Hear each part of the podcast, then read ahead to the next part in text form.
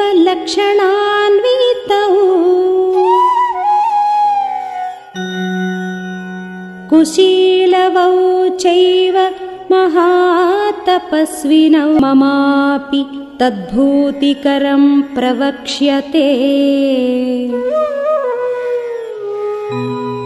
महानुभावं चरितं निबोधता।